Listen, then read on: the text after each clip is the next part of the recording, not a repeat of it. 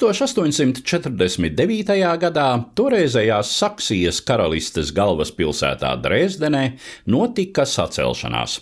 Viens no pēdējiem revolūciju viļņa, saukta par tautu pavasari, uzliesmojumiem Eiropā.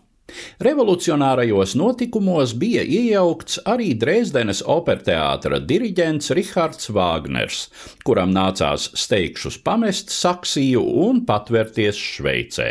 Šeit, Cīrihē, komponistam deva mājvietu viņa talanta cienītājs, bagātais zīda tirgotājs Otto Vēzendoks. Te bija teju ideāli apstākļi radošam darbam, taču ne mierpilnai dzīvei, jo jau drīz skaņraža dvēseli saviļņoja mīlas jūtas pret Vēzendoka kundzi, rakstnieci Matildi Vēzendoku. Pēc visas spriežot, jūtas bijušas appusējas, lai gan nav nekādu ziņu, ka tās nonākušas tālāk par platoniskām.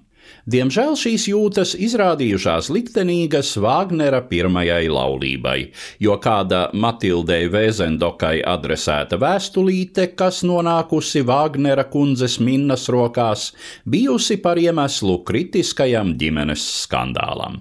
Bet šīs jūtas atstājušas arī paliekamas pēdas pasaules opera mūzikas vēsturē, jo Vāgners uz laiku nolicis malā savu grandiozāko ieceri Nībelunga gredzenu un pievērsies citam viduslaiku literatūras sižetam - 12. gadsimta vācu autora Strāsburgas Gotfrīda bruņinieku romānam Tristāns un Izolde.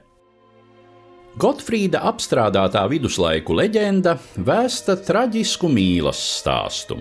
Bruņinieks Tristans, sava seniora, Kornvolas karaļa Marka uzdevumā dodas pāri jūrai uz īriju, lai pārvestu valdniekam līgavu, daļo princesi Izoldi. Starp bruņinieku un princesi uzliesmo mīlas jūtas, kurām abi nespēja pretoties, un šo situāciju izmanto Tristāna nelabvēlis bruņinieks Melots, kurš nodod mīlētājus un uzbrūk Tristanam, viņu smagi ievainojot. Izolde, kura ir arī dziedniece, mēģina glābt mīļoto, taču Tristans izvēlas nāvi, un Izolde seko savam mīļotajam aizsaulē. Tāds dažos teikumos atstāstīts ir librets, kuru Vāgners izvērsis trīs apjomīgos cēlienos. Sižetā var sazīmēt autobiogrāfiskas paralēles. Cēlajā karalī Markā, saskatot Vēzendoka kungu, daļajā izoldē viņa sievu Matildi, savukārt pretrunīgu jūtu plosītajā varonī Tristanā pašu Vāgneru. Kā visām savām operām, arī šai libretu rakstīja komponists pats, esot bijusi reize, kad libreta fragmentu lasījumā Vēzendoku namā bijušas klāt trīs Vāgnera liktenī nozīmīgas sievietes. Viņa toreizējā sieva Minna, viņa tā brīža kaislība un mūza Matilde un viņa nākamā sieva Kozima Fonbīlova, kuras pirmajam vīram, diriģentam Hansam Fonbīlovam, bija lemts diriģēt operas Tristans un Izolde pirmatskaņojumu Bavārijas Karaliskajā teātrī Minhenē 1865. gada 10. jūnijā. Līdz operas pirmizrādēji bija visai ērkšķains ceļš. Dresdenes, Veimāras, Prāgas un Vīnes operteātri atmeta ieceri realizācijas procesā, un Tristans un Izolde ieguva neiestudējama darba reputāciju. Tikai aizrautīgā mākslu mīļotāja Bavārijas karaļa Ludviga II atbalsts galu galā ļāva operai piedzīvot pirmiestudējumu. Vien pamazām Tristāns un Izolde ieguva pelnīto kritikas novērtējumu kā muzikāli novatoriska, jaunus harmonijas paņēmienus izmantojoša kompozīcija.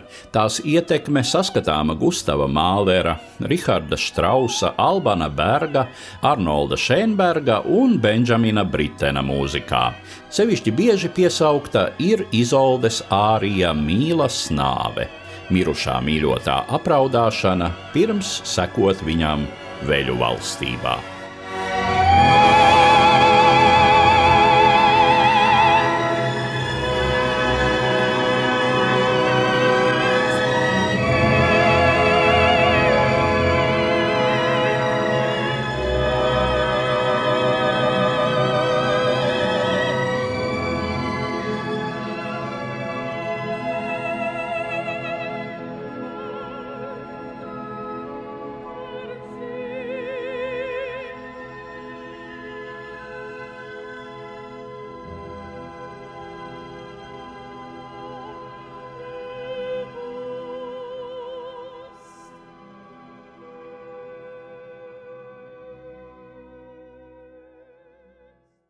Stāstīja Eduards Liniņš.